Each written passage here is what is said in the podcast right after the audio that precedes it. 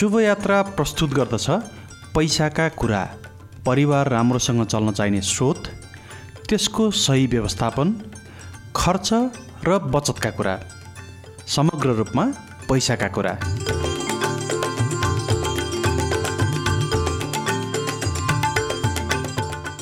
नमस्कार म मधु आचार्य। पैसाका कुरा पडकास्टको प्रस्तोता तथा उत्पादक। अघिल्लो अङ्कमा मैले व्यवसाय या जागिर विकल्प कसरी छान्ने भन्ने बारेमा युवा उद्यमी एवं मोटिभेसनल स्पिकर मनिष झासँगको कुराकानी सुनाएको थिएँ।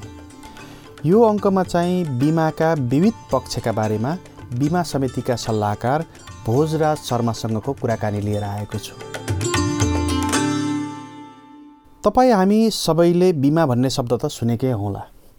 खासमा बिमा भनेको तपाईँ हामी जो कसैलाई पनि कुनै पनि कुराको आर्थिक नोक्सान हुँदा दिइने क्षतिपूर्तिको ग्यारेन्टी हो।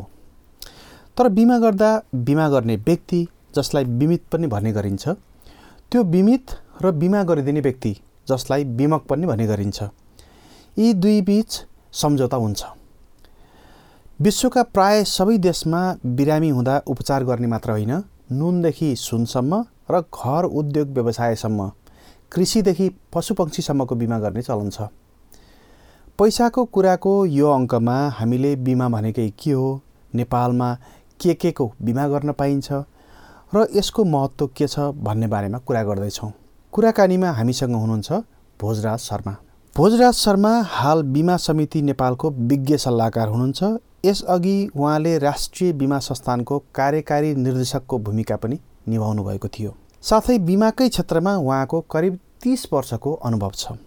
साथी प्रकाश लामिछानेले बिमा विज्ञ शर्मालाई बिमाको अर्थ र यसका विभिन्न पक्षहरू बताइदिनुहोस् न भनेर सोध्नुभएको थियो। बिमा भनेको आफ्नो जोखिम अरूलाई हस्तान्तरण गर्ने माध्यमलाई नै बिमा भन्नुपर्छ यसलाई सिम्पल रूपमा भन्ने हो भने।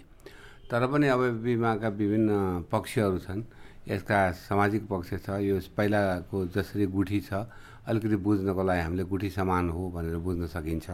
पहिलाको गुठीमा आफू आफू आफ्नो नातागोता मिलेर केही मर्दा पर्दा केही गर्नको लागि भनेर आर्थिक केही जोगो निकालेर केही चन्दा निकालेर अथवा आफू आफ्नोसँग जे जे छ त्यो एकत्रित गरेर चाहिँ दिने र त्यसको चाहिँ राहत दिने परेको लागि राहत दिने जुन व्यवस्था थियो।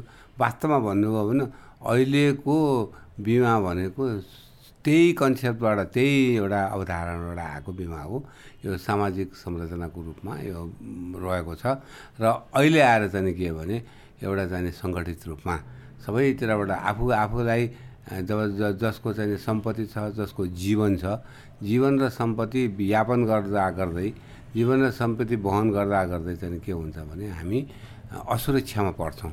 असुरक्षा भने जुन जीव जीवनमा पनि हामीलाई विभिन्न जोखिमहरू आइलाग्छ जीवनको कुनै निश्चितता छैन त्यो अनिश्चितता भएर अब आफ्नो चाहिने परिवारहरूको बिचल्य हुँदाखेरि त्यो परिवारहरूलाई केही जोगाड गरौँ भनेको एउटा जीवन बिमा हो होइन? त्यस्तै गरेर आफ्नो एउटा सम्पत्ति जसले चाहिने भविष्यलाई समेत हामीले त्यसलाई सेक्रिफाइस गरेर भनौँ अथवा चाहिने अहिलेको बचतलाई सेक्रिफाइस अहिले खानालाई आधा पेट खाएर पनि हामीले जम्मा पारेर सम्पत्तिहरू जुन घरबारहरू जम्मा पारिरहेको हुन्छौँ होइन? ती सम्पत्तिहरूको पनि कुनै अब जस्तो हामी कहाँ भूकम्पको जोखिम छ त्यस्ता जोखिमहरूबाट अथवा बाढी पहिरोका जोखिम छ त्यस्ता जोखिमहरूबाट कुनै भयो आगलागी नै भयो भने पनि र त्यो बिमाले यदि बिमा रहेको अवस्थामा बिमाले त्यसलाई क्षति प्रदान गरेर ऊ जुन अवस्थामा रहेको छ त्यही अवस्थामा बिमाबाट नाफा त हुँदैन तर अवस्था खस्किन नदिनुको लागि बिमा गरिन्छ। आर्थिक अवस्था। यहाँ अवस्था भन्नाले दुई किसिमको अवस्था हुन्छ। एउटा चाहिँ तपाईँको यो भावनात्मक अवस्था हुन्छ। भावनात्मक त बिमाले केही गर्न सक्दैन। र बिमाले एउटा कुरा के भने हुने हुनामीलाई रोक्न पनि सक्दैन। तर हुने हुनामी भयो भने हुने हुनामीबाट हुने आर्थिक क्षति जस्तो परिवार कुनै व्यक्ति मरेर परिवारको बिचल्य भयो भने त्यो बिचल्य नहुनलाई उसको आर्थिक स्थिति ऊ कमाउँदाको अवस्थामा जति थियो उति नै राखेर र उसको परिवार उसको बालबच्चालाई एउटा सक्षम नबनाउन्जेलसम्मको लागि एउटा जोगाड गर्ने एउटा परिस्थितिको रूपमा जोगाड गर्ने एउटा माध्यमको रूपमा बिमा बिमा छ। सा सामान्य तरिकाले गर्दाखेरि। अब अर्को तरिकाले भन्दाखेरि अब बिमा कानुनी तरिकाले पनि भन्न सकिन्छ। यसलाई दुई व्यक्तिको करार हो जहाँ एक व्यक्तिले अलिकति पैसा लिएर भोलि केही पऱ्यो भने म दिन्छु भनेर। यसमा पऱ्यो भने के त भने एउटा यसले के सुरक्षण दिन्छ भने आर्थिक सुरक्षण दिन्छ यसले। जस्तै एउटा अहिले तपाईँले भन्नुहुन्छ भने अब गाउँघरमा हाम्रो कृषि गऱ्यो गऱ्यो विभिन्न किसिमले कृषिमा लगायो। अहिले चाहिँ लगायो। हामीले चाहिँ नि लागत लगाइसक्यौँ। कृषि ब्याड बिरुवा गरिसक्यौँ लागत लगाइसक्यौँ। सबै थोक गरिसक्यौँ तर फल्ने बेलामा असिना आयो बाढी आयो पहिरो आयो गयो। त्यस्तै पानी अत्याधिक पानी पऱ्यो कम ऊ भयो मौसमको प्रतिकूलता भयो भने यदि त्यो बेला त हामीले पाउँदैनौँ। त्यो बेला जोगाड गर्नु पऱ्यो कि अब हाम्रो घैगरानाबाट लिनु पऱ्यो कि ब्याङ्कबाट ऋण लिनु पऱ्यो ब्याङ्कबाट ऋण पनि त्यति आसानीबाट त आउँदैन होइन? त्यस कारणले जाने। फेरि एकचोटि ऋण लिइरहेछ भने दोस्रो नतिरिकन ऋणले दिँदैन अब यदि त्यो भयो भने फेरि हामीले काम गर्नु बिमा भएको अवस्थामा फेरि हामीले काम गर्न सक्छौँ। फेरि ऋण लिन सक्छौँ। हाम्रो क्रेडिबिलिटी भन्छ ऋण लिने योग्यता पनि वृद्धि हुन्छ यसले होइन? यिनै विविध पक्षहरू बिमाका छन्। हाम्रो देश नेपालमा के के कुरामा बिमा गर्न पाइन्छ आजको दिनमा? सामान्य नागरिकले बुझ्दाखेरि के के जस्तो अघि जीवनको कुरा गर्नुभयो कृषिको कुरा गर्नुभयो। अहिले बिमा हरेक कुराको मूल कुरा चाहिँ के भने हामीमा हाम्रो जीवनको बिमा गर्न पाइयो। हाम्रो जीवन छ जीवनको असुरक्षा छ। अब त्यसको लागि भोलि केही परिहाल्यो भने आर्थिक स्थितिको कुरा छ। अहिले आएर चाहिँ मृत्यु नै भएको खण्डमा बच्चाहरूको बिचल्ली हुन्छ। अङ्गभङ्ग भएर एउटा स्थायी अङ्गभङ्ग भएको खण्डमा मर्यादा तुल्य नै भयो। किन काम गर्ने कुनै अकुपेसन गर्न पाइएन। त्यसको लागि पनि जीवन बिमाले समेट छ त्यस्तै गरेर हामीले चाहिँ गरेको खास गरी हाम्रो चाहिँ के भने घर एउटा त करिब करिब हामीले बनाए होलाौँ होइन घरमा सम्पत्ति पनि केही हाम्रो होला पक्कै पनि। त्यसपछि दोस्रो हामी के गर्छौँ हाम्रो कमाइको मुख्य भागहरू हामीले बचत गरे हुन्छ बचत गरे भने हामीले पेट काटे हौँ हो होइन? त्यो बचत गरेर राखेको हुन्छ। अब त्यसले गर्दा चाहिँ के भने हामीले अब भविष्यको लागि ब्याङ्कबाट ऋण लिन्छौँ अथवा कहीँबाट हामीले ऋण लिन्छौँ। यी सबै कुरा गरेर एउटा हामीले सम्पत्ति जोड्छौँ। भविष्यहरूले बिस्तारै तिर्दै जाउँला भविष्यमा काम गर्दै जाउँला तिर्दै जाउँला भनेर हामी सोच्छौँ बच्चाहरूको एउटा सुरक्षित हुन्छ भनेर हामी गरेर हुन्छ तर दैवागत केही पऱ्यो भने के हुन्छ त? के हुन्छ? दैवागत पऱ्यो भने जस्तो अस्ति नै हामीले देख्यौँ बहत्तर सालको भूकम्प देखिसक्यौँ होइन र? त्यस्तै चाहिँ नि बाढी पहिरो पोहोर परार सालको चाहिँ तराईमा गएको त्यस्तो विध्वंसात्मक बाढी पहिरो बाढी देख्यौँ। पहिरोले त्यत्रा विध्वंस भइरहेछ। अस्ति भर्खर सत्तरी पचहत्तर सतहत्तर घरहरू चाहिँ पूर्वमा गएको छ। अहिलेसम्म आगो नियन्त्रण भएको छैन। अब यस्ता कुरामा कसैले बिमा गरेको भए सचेत भएर पनि अग्नि बिमा तथा सम्पत्तिको बिमा पनि हामी पूर्ण रूपले गर्न सक्छौँ र कथम कता केही भयो भने हामी जस्तो। अनि अर्को कुरा मोटर मोटरसाइकल हामीले लिइरहेछौँ। हामीसँग अहिले न्यूनतम सवारीको साधन एउटा मोटरसाइकल भनेको त यहाँ मात्रै होइन मध्य पहाडी मार्गमा पनि अब न्यूनतम भइसक्यो। अब त्यो आवश्यकता हामीले मोटरसाइकलको बिमा गर्छौँ। त्यसको अलावा के छ भने राज्यलाई अझ बढी एउटा सोचाइको विषय के हो भने मोटरसाइकलले तेस्रो पक्षलाई हानिदियो एकजना दुईजना मान्छे माऱ्यो र कसैको सम्पत्तिलाई उ गऱ्यो भने तेस्रो पक्षको सम्पत्तिलाई गर्दा भने तत्कालीन हामीले त्यसलाई क्षतिपूर्ति दिलाउँछ। त्यो क्षतिपूर्ति दिलाउने पैसा हुँदैन। त्यस कारण सानो प्रिमियम तिरेर बिमा शुल्क तिरेर हामीले चाहिँ त्यो क्षतिपूर्तिको पनि हामीले ग्यारेन्टी लिइरहेको हुन्छौँ कि? त्यस कारणले मोटरको पनि बिमा गर्न पाइन्छ घरको बिमा गर्न पाइयो। त्यस्तै हामीले चाहिँ के पनि गरे हुन्छ भने अब अब दुई किसिमले हामीले चाहिँ जहाँ घरपालुवा जनावरहरू पाल्छौँ। होइन कतिपय त गाई भैँसीहरू जसबाट चाहिँ दुध लिएर एउटा चाहिँ हामीले सस्टेनेबल लेभल भन्छौँ। आफैलाई खानालाई आफ्नो परिवारलाई हुर्काउनलाई अथवा अलिकति बचत भयो भने हामीले बेचेर त्यसबाट केही नुन तेल किन्नलाई चाहिँ भने हामीले एउटा हुन्छ र अब हामीले चाहिँ के भने कृषि बिमामा त्यो पशुपन्छीको बिमा पनि त्यहाँ पर्छ। त्यस्तै गरेर अब बाली नालीको त मैले अघि नै भनिसकेँ बालीमा किट पतङ्ग लाग्न सक्छ असिना पर्न सक्छ। आदि सबैतिरबाट पनि नोक्सानी भयो भने त्यो नोक्सान तुरन्त पूर्ति भएर फेरि उसले आफ्नो जीवनयापनलाई सहज गर्न सक्छ। यदि बिमा नहुँदो हो भने के हुन्छ त्यो सहज हुँदैन। अहिले नै हामीले देख्यौँ भुइँचालोमै देख्यौँ जसले बिमा गरेको छ उसले ठडाइसके जसले बिमा गरेको छैन रात कहाँबाट पाइन्छ भनेर अझ पनि खोज्दैछन् पालमा बसिरहेछन्। व्यक्तिगत लाभका कुराहरू त यहाँले भनिसक्नुभयो। बिमा गर्नेले सरकारको तर्फबाट चाहिँ बिमा गर्ने नागरिकले अथवा बिमित व्यक्तिले के पाउँछ? अब एक त बिमा गर्ने व्यक्तिले के पाउँछ भन्ने कुरा आउँदैन। पहिलो त जीवन बिमा गर्दाखेरि अहिले बिस पच्चिस हजारसम्मको जीवन बिमाको लागि कर लाग्दैन। एउटा त्यो पनि भयो होइन? एउटा चाहिँ राहत पनि भयो। अहिलेलाई चाहिँ यही छ। अनि अर्को कुरो बिस्तारो राज्यले पनि आफूले दिने राहतहरू आफूले दिने क्षतिपूर्तिहरू अहिले बिस्तारै बिस्तारै बिमामै नि ट्रान्सफर गरेर बिमामै हस्तान्तरण गर्दै जानु नै पनि बुद्धिमानी हुन्छ। किनभने राज्यले अब केही पर्दाखेरि भोलि डोनेसन लिनुपर्ने अवस्था पर्छ लोन ऋण लिनुपर्ने अवस्था पर्छ तर बिमा गरेको अवस्थामा पुनर्बिमाबाट हकको रूपमा पनि आइन्छ क्या बिमा र पुनर्बिमाबाट पनि आउँछ।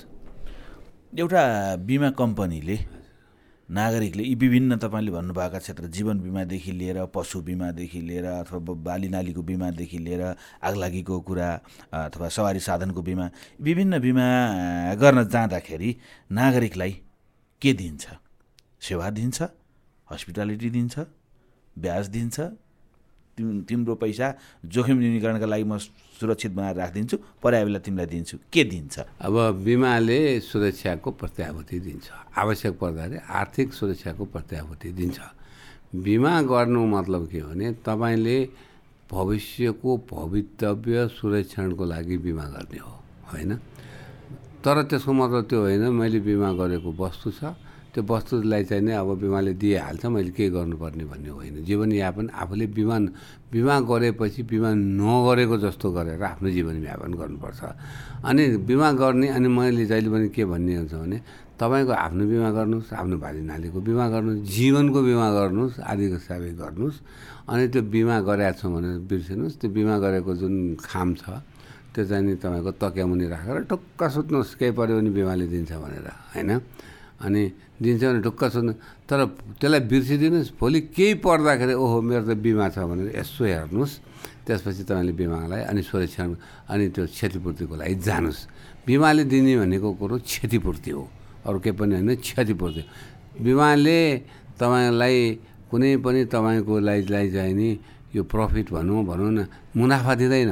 मु तपाईँको जीवन स्तरलाई बढ्न दिँदैन बढ बढाउ भनेर दिँदैन।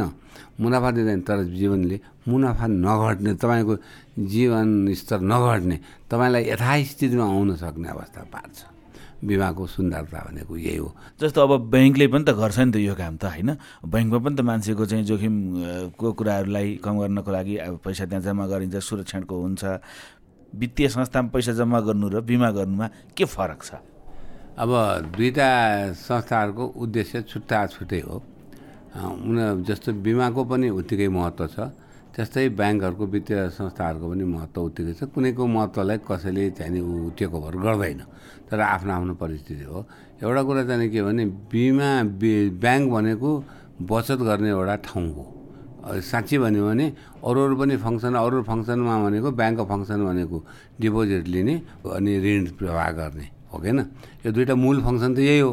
अरू अरू फङ्सन भनेको त अब यसो यसका सेकेन्डरी फङ्सन दोस्रो फङ्सनहरू भन्नु अब बिमाको फङ्सन भनेको चाहिँ मूल फङ्सन हो जोखिम वहन गर्ने आवश्यक पर्दाखेरि क्षतिपूर्ति आवश्यक पर्दा सधैँ दिने होइन। ब्याङ्कले के गर्नु पऱ्यो मैले बचतको लागि अहिले पाँच हजार कसैले कुनै व्यक्तिले बचतको लागि पाँच हजार रुपियाँ दाम अहिले राख्यो भने उसले त्यो त्यो पाँच हजार उसको बचत भयो त्यहाँ ब्याज दिन्छ र ब्याज थप्दै जान्छ। तर उसले पाउने भनेको भविष्यमा त्यो पाँच हजार र त्यसले कमाएको अलिकति ब्याज हो। त्यही पाँचै हजार हो क्या पाँच हजार हो। अहिले अहिले नै केही परिहाल्यो जस्तो बिमा गऱ्यो एउटा बिमा कम्पनीमा मान्छेले आज बिमा गऱ्यो पचास हजारको बिमा पचास लाखको बिमा गऱ्यो भनौँ अब बिस पच्चिस वर्ष गऱ्यो अहिले पाँच हजार अहिले यो एक महिनाको चाहिँ नि प्रिमियम भनेर मासिक प्रिमियम पाँच हजार दिँदै जाने जान्छु भन्यो भने अनि पाँच हजार दिन्छु भनेर उसले चाहिँ बिमा गरेर अहिले गयो। गएर चाहिँ त्यो बिमा कम्पनीको बाटोबाट बाहिर पुग्दाखेरि एउटा गाडीले हिर्काएर मऱ्यो। अथवा केही भएर ऊ मऱ्यो भने। अब बिमा कम्पनीले के दिनु भने जति गऱ्यो भने पाँच लाख होस् पचास लाख होस् त्यति दिने भयो। अब जति पछि पछि पछि पछि पछि पछि हुँदै गयो बिमाले पनि ब्याजसहित ब्याजलाई हामी बोनस भन्छौँ। उसले आफूले कमाएको मुनाफाबाट बढी से बढी मुनाफा उसलाई बिमालाई दिएको हुन्छ। बिमितलाई दिएको हुन्छ। त्यो बिमितले बिचमा मऱ्यो भने मुनाफा समेत त्यो त्यो पाउने चाहिँ त्यही उयो त्यही आँखा माथि नै छ त्यो माथिल्लो सीमामै छ। त्यति त पायो पायो। अनि कति चाहिँ वर्ष वर्षमा पाएछ त्यसको समेत उसले पाउने हो। ब्याङ्कमा के भयो त त्यही पाँचै लाख र अथवा पचास लाख राख्यो भने पचास लाख लिनेलाई तपाईँले पचासै लाख राख्नुपर्छ। अनि ब्याज लिनुपर्छ। त्यहाँ चाहिँ के भने पचास लाख दिनेलाई पचास लाख राख्नुहोस् त्यसको अलावा पनि थप बोनस पनि पाउनुहोस्। बिमाको सुन्दरता एउटा छ बिमाले चाहिँ बिमाको मुख्य काम भने जोखिम लिने हो। जोखिम लिने भनेको कदम कदार के भयो भने अहिले भयो भने त्यही माथिल्लो सिमै तिर्ने भोलि भयो भने बिमा चिने बाँचेछ अब एउटा परन्तु बिस वर्ष तिस वर्ष कतिको लागि गरे हो त्यसपछि बाँचेछ भने उसलाई चाहिँ ब्याज सही सम्पूर्ण दिने फिर्ता गर्ने। हो होइन? त्यो त्यो चाहिँ नि बिमाको एउटा एउटा चाहिँ फरक भनेको बिमाले जोखिम पनि बिहोर गर्छ बचत पनि गर्छ। सानो रकम तिरेर बचत गर्दै जान्छ होइन? सानो रकमको बिचमा केही भयो भने ठुलो रकम चाहिँ नि जोखिम बापतको क्षतिपूर्ति पनि दिन्छ ठुलो रकम जुन निर्धारित रकमै दिया हुन्छ होइन? तर वित्तीय संस्थाको चाहिँ के पर्छ भने जति रकम हाल्यो त्यही रकम तर नि अलमलमा कहाँ परिन्छ भने मै पर्छु कतिपय ठाउँमा। कम्पनी अनुसारका पोलिसी फरक। पोलिसी अनुसारका बिमा फरक। म त सामान्य नागरिक हुँ। मलाई थाहा हुँदैन कम्पनी कसरी छान्ने बिमा दिने गर्ने कम्पनी के हो उसको चाहिँ क्राइटेरिया मैले कसरी छान्ने मसँग जो अभिकर्ता आयो उसले भने सुनेर म बिमा गर्न तम्सिन्छु। असल बिमा कम्पनी अथवा बिमा कम्पनी अनुसारका फरक फरक पोलिसी यो किन हुन्छ यस्तो? बिमा कम्पनीमा के हुन्छ भने बिमा लेखहरू भनेको एकै किसिमको हो। एक दुई किसिमको हुन्छ तिन दुई तिन किसिमको हुन्छ जीवन बिमाको हिसाब गर्ने हो भने। अब अलिकति मान्छे अहिले प्रतिस्पर्धाको जमाना पनि छ। जस्तो हामी के भन्छौँ भने सावधिक जीवन बिमा भनेको मरे पनि बाँचे पनि पाउने होइन? त्यो रकम र प्रतिफल समेत पाउने। अनि अर्को हाम्रो के छ भने म्यादी जीवन बिमा भन्छौँ। त्यो मृत्यु भएमा मात्रै पाउने भयो उसले। मृत्यु चाहिँ जुन किसिमले मृत्यु होस् उसले पाउने भयो। बिमा भनेको यही हो। अब यो बिमामा अब आफ्नो कम्पनीको क्षमता होइन आफ्नो आर्जनअनुसार योमा अगाडि पछाडि गर्न पाएन। तर योभन्दा बढी उसले फेसिलिटी उसले चाहिँ अब भनौँ न बढी फेसिलिटी दिन्छ बढी सुविधाहरू दिन्छ भने त्यो दिलाउन त प्रतिस्पर्धामा त्यो दिलाउनलाई त रोक्नु भएन नि होइन? उसले अझ थोरै रकम थपेर ल त्यो मृत्यु मात्र होइन म अङ्गभङ्ग भयो भने दिन्छु भन्यो भने अथवा तपाईँको यो थोरै रकम थप्नुहोस्। यसमा चाहिँ नि म औषध उपचारको पनि सुविधा दिन्छु। अर्को घातक रोगहरू यो बाह्र पन्ध्रवटा घातक रोगहरू छ नि लिभर खतम हुने किडनी खतम हुने अब हर्ट खतम हुने यस्ता घातक रोग पऱ्यो भने म पुरै पैसा दिन्छु तपाईँलाई। ल अलिकति पैसा थप्नुहोस् भनेर गर्छ भने त्यसमा बाधा विरोध पनि गर्नु भएन उल्टो राम्रो पनि भयो। जुन सेवाग्राहीलाई त राम्रै हो नि। भनेपछि राम्रो कम्पनी छान्दाखेरि मान्छेले के गर्नु पऱ्यो तपाईँले भने बेसी कुराहरू ती हुनै पऱ्यो त्योभन्दा थप सुविधा के छ? रहेछ भन्ने कुरा हुनु पऱ्यो अब अर्को कुरा एउटा तपाईँले भनेको एक ठाउँमा चाहिँ नि म मेरो अझै पनि सहमत छ। अब सामान्यतया चाहिँ हामी के भन्ठान्छौँ भने आज हामी यहाँ रेगुलेटरमा बसेको हिसाबले यो हामी के भन्ठान्छौँ भने सबै एजेन्टहरूलाई चाहिँ नि ऊ दिएको छ सबै कम्पनीहरूले राम्रो तालिम दिएछ आफ्नो कम्पनीको बारेमा राम्रो ज्ञान दिएछन्। उनीहरूलाई पनि ग्राहकलाई कसरी सम्झाउने बुझाउने भन्ने ज्ञान छ भने। तर कहिलेकाहीँ के हुन्छ भने भेस्टेड इन्ट्रेस्ट पनि पर्छ। होइन? ए अब जो सेलिङमा बसेको हुन्छ जो एजेन्सी हुन्छ नि मेरो हातबाट चाँडो चाहिँ चाँडो धेरै चाहिँ धेरै आओस् मलाई पनि आम्दानी बढोस् भनेर अलिकति मान्छेमाथि नभएको कुराको इम्प्रेसन पारेर पनि अलिक बढै चढाइ इम्प्रेसन पारेर पनि जनताले त हेर्दैन। त्यो चाहिँ नि खराब हो। त्यो मिससेलिङ हो। त्यसमा बिमा समितिले हेरिरहेको छ होइन? हेर्छ हेर्छ पनि त्यस्तो पत्ता लगाउँदाखेरि त्यस्तो उजुरीहरू आउँदाखेरि त्यसको हेरा हेरि पनि रहेको छ। अर्को पनि गुनासो छ। हाम्रो देशको भूगोल बनावट नागरिकको चेतनाको स्तर आदि कुराहरूले गर्दाखेरि धेरै कानुनी कुराहरू धेरै प्रक्रियागत कुराहरूमा नागरिकलाई दुखाइ पाउने काम भइरहेको हुन्छ। त्यसमाथि यो बिमाको प्रक्रिया निकै झन्झटिलो छ।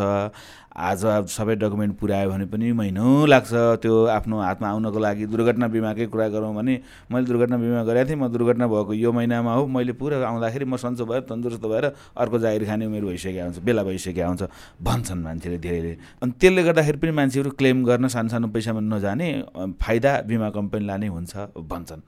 हो अथवा यो ढिला सुस्ती भन्ने मान्छेहरूको यतिकै भ्रम हो? तपाईँले भनेको कुरा मैले शत प्रतिशत नकार्न त सक्दिनँ। नकार्दा पनि नकार्दिनँ। किन हो पनि किनभने यो चाहिँ नि के भने बिमाको उद्देश्य के हो भने जनताले बिमा भने के बुझ्या हुन्छ भने मलाई सुरक्षा दिन्छु भन्छ। मैले पैसा तिरेको छु। अब त्यो सुरक्षा मैले पाउनुपर्छ भन्ने हुन्छ। अब त्यहाँ बिमाका केही शर्तहरू हुन्छन् कि? हामीले पनि पढ्नु त पढ्दैनौँ पढ्नु त पर्ने हो। केही किन्नु पऱ्यो भने त्यसको लागि राम्रोसँग पर्खेर त हेर्नु पऱ्यो अब फेरि एउटा कुरा चाहिँ हाम्रोमा के भने अब आम मानिसमा त त्यो शक्ति पनि छैन। किनभने बिमाका शब्दहरू यो अन्तर्राष्ट्रियसँग सम्बन्धित भएको हुनाले यति गाह्रो छ कि तपाईँ हामी नै मै आफै पनि बिमामा आजसम्म यत्रो कि अहिले पनि कतिपय मैले नजाने अनि ती शब्दहरूलाई चाहिँ मैले व्याख्या गर्नुपर्छ। तर त्यो काम के भयो भने सम्बन्धित बिमा कम्पनीहरूले बुझाइदिनु पऱ्यो कि? यता एउटा बिमामा के छ भने पूर्ण सद्विश्वास हुनुपर्छ भन्ने एउटा चाहिँ नि बिमाको एउटा करारको सिद्धान्त हो। पूर्ण सद्विश्वास भनेको त्यो पूर्ण सद्विश्वासलाई बिमितलाई मात्र लागु हुने होइन बिमकलाई पनि लागु हुनुपर्छ। त्यस कारणले हामी कहाँ त्यस्ता कुराहरू आयो भने हामी त्यो अनुसारको निरूपण गरिदिन्छौँ। तर सबै त आउँदैन। त्यस कारणले अब त्यसको लागि बिमा समितिले पनि एउटा चाहिँ पटक पटक के गरिरहेको छ भने बिमालाई समय सकेसम्म यसलाई सरलीकृत बिमाको कुराहरू सरलीकृत गरिदिएको हुन्छ। र होइन जस्तो पहिला के थियो भने आजभन्दा दस पन्ध्र वर्ष अगाडि अग्नि बिमा भनेर जुन घरको बिमा लिन्थ्यो नि घरको बिमा लिन्थ्यो त्यसलाई चाहिँ हामीले अङ्ग्रेजीमा जुन छ नि हामीले अङ्ग्रेजीमा गर्थ्यौँ। अब अहिले त्यसलाई अङ्ग्रेजी गरेर नेपालीमा गरौँ। अब नेपालीमा पनि यति सिम्प्लिफाइड गऱ्यौँ कि सबै सामान्य मान्छेहरूले बुझ्नुपर्ने सक्ने किसिमले हामीले गरायौँ। अब त्यसपछि आएर अहिले आएर अब यहाँ हाम्रो चाहिँ के पनि अनुभव भयो भने ल बिमा एक थोपको गर्नुपर्ने एक थोप भाडै छ। ब्याङ्कले एउटा गर्नुपर्ने सबै गराएर रहन्छ अब त्यो बिचरा बिमेतालाई थाहा हुँदैन। अब बाढीको बिमा छैन बाढीकोबाट गयो अग्निको मात्र बिमा र भूकम्पको मात्र बिमा गरिरहेको छ भनेपछि उसले त दाबी पाउने भएन। बिमा सम्बन्धी नागरिकका कुनै पनि समस्या गुनासो उजुरी यस्ता केही छन् भने कहाँ सम्पर्क गर्ने? अब सम्पर्क गर्ने पहिलो स्थान बिमा समिति नै हो। र पहिला त अब के सम्बन्धी उजुरी हो त्यो अनुसार हामी हेर्छौँ नै। तर यसको मुख्य यो बिमा समिति एउटा पहिलो अदालत पनि हो यो दाबीको लागि। किन अधिकांश त आउने त दाबी दिएन भनेर आउनु नि कि दाबी कम दियो कि मलाई दाबी दिएन भनेर आउने हो। त्यसको गुनासो मात्र होइन त्यसको छिनोपानी गर्नु पहिलो स्थान अदालत यही हो। यो अदालतमा निराकरण भइसकेपछि मात्रै फैसला भएपछि मात्रै चित्त नबुझ्ने पार्टी अब कहिले कहिले बिमा कम्पनीलाई पनि चित्त नबुझ्ला अथवा बिमीलाई पनि चित्त नबुझ्ला चित्त नबुझ्ने पार्टीले अनि मात्र उच्च अदालतमा जानु पाउँछ। भने पहिलो अदालत बिमाको दाबी सम्बन्धमा पहिलो अदालत बिमा समिति नै हो त्यसपछि दोस्रो उच्च अदालत हो। बिमा सम्बन्धी कुनै पनि समस्या गुनासो उजुरी गर्नु पऱ्यो भने चाहिँ सम्पर्क गर्ने मान्छेले कुन चाहिँ ठेगानामा सम्पर्क गर्ने एकचोटि ठेगाना भनिदिनुहोस् न। बिमा सम्बन्धमा खास गरी दाबी सम्बन्ध अन्य पनि कुनै पनि बिमा सम्बन्धमा उजुरी गर्नु पऱ्यो भने हाम्रो बिमा समितिको कार्यालय कुपनडोल ललितपुर सर्वाङ्ग अस्पतालको अगाडि। र पहिला नेपाल ब्याङ्क लिमिटेड बनेको बसेको घर अहिले बिमा भवन हो यो अब ललितपुरमा आएर सम्पर्क गर्ने। यदि तपाईँहरूलाई चाहिँ इमेल गर्नु पऱ्यो भने info at the rate NIB dot government dot एनपीमा गर्ने। है त्यसपछि आएर तपाईँले टोल फ्री नम्बर छ सोह्र सय साठी जिरो एक पाँच छ सात आठ नौ र अर्को चाहिँ एक्सचेन्ज नम्बर पाँच पाँच दुई एक शून्य सात नौ छ। त्यहाँ सम्पर्क गर्ने हो। अनि यहाँ हाम्रो सम्पर्क केही पऱ्यो त्यस्तो गुनासा उजुरीहरू सूचना अधिकृतहरू पनि हुनुहुन्छ। उहाँलाई गरे पनि भयो। नभए यहाँ सिधै आएर यहाँ जसलाई गरे पनि उहाँ लिन्छ। र यहाँ विधिवत दरखास्त गरे पनि भयो। नभए पहिला सुरु सुरुमा आएर मौखिक गरे पनि हामी अलिकति हेर्छौँ तर मुद्दामै जानु पर्दाखेरि चाहिँ नि विधिवत रूपमा एउटा सानो एप्लिकेसन दिनुपर्छ। तपाईँ हामीमध्ये धेरैले अझै पनि बिमालाई थप आर्थिक भारका रूपमा बुझेका हुन सक्छौँ तर आज भोजराज शर्माले ती कुराहरूलाई कस्तो मजासँग प्रस्ट्याइदिनु भयो बिमाका बारेमा कुरा गर्दा गर्दै पैसाको कुराको यो अङ्क सकियो। अर्को पैसाका कुरा पडकास्टमा पोखरामा भेटिएका लोकगीतका एकजना सर्जक सङ्गीतकार एवं अरेन्जर तारानाथ आचार्यसँगको पैसाका कुराकानी लिएर आउनेछु। केही दिन अघि पोखरा जाँदा मैले उहाँलाई भेटेको थिएँ। फेवातालको छेउमा बसेर उहाँका गीत सुन्दै अनि कुरा गर्दै गरेको सम्झना धेरै रमाइलो छ। पैसाका कुरा सेयरकास्ट इनिसिएटिभ नेपालले उत्पादन र वितरण गर्छ। सेयरकास्टका बारेमा सेयरकास्ट डट ओआरजी डट एनपीमा पढ्न र हेर्न पाइन्छ। अन्त्यसम्म सुनिसकेपछि तपाईँलाई यो कार्यक्रम मन पर्यो भने अरूलाई पनि सुन्न भन्न या सोसल मिडियामा सेयर गर्न सक्नुहुन्छ। पैसाका कुरा पडकास्ट फुर्सद निकालेर नियमित सुन्न सब्सक्राइब पनि गर्न सकिन्छ। यो पडकास्ट शुभयात्रा हाम्रो पात्रो र नेपाली पडकास्ट मोबाइल एपबाट र आइट्युन्समा पैसाका कुरा नेपालीमा सर्च गरेर सुन्न सकिन्छ।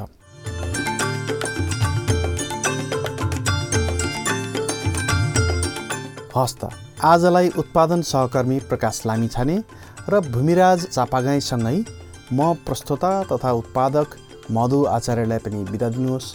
नमस्कार अब हामी अर्को कार्यक्रममा भेटौँला।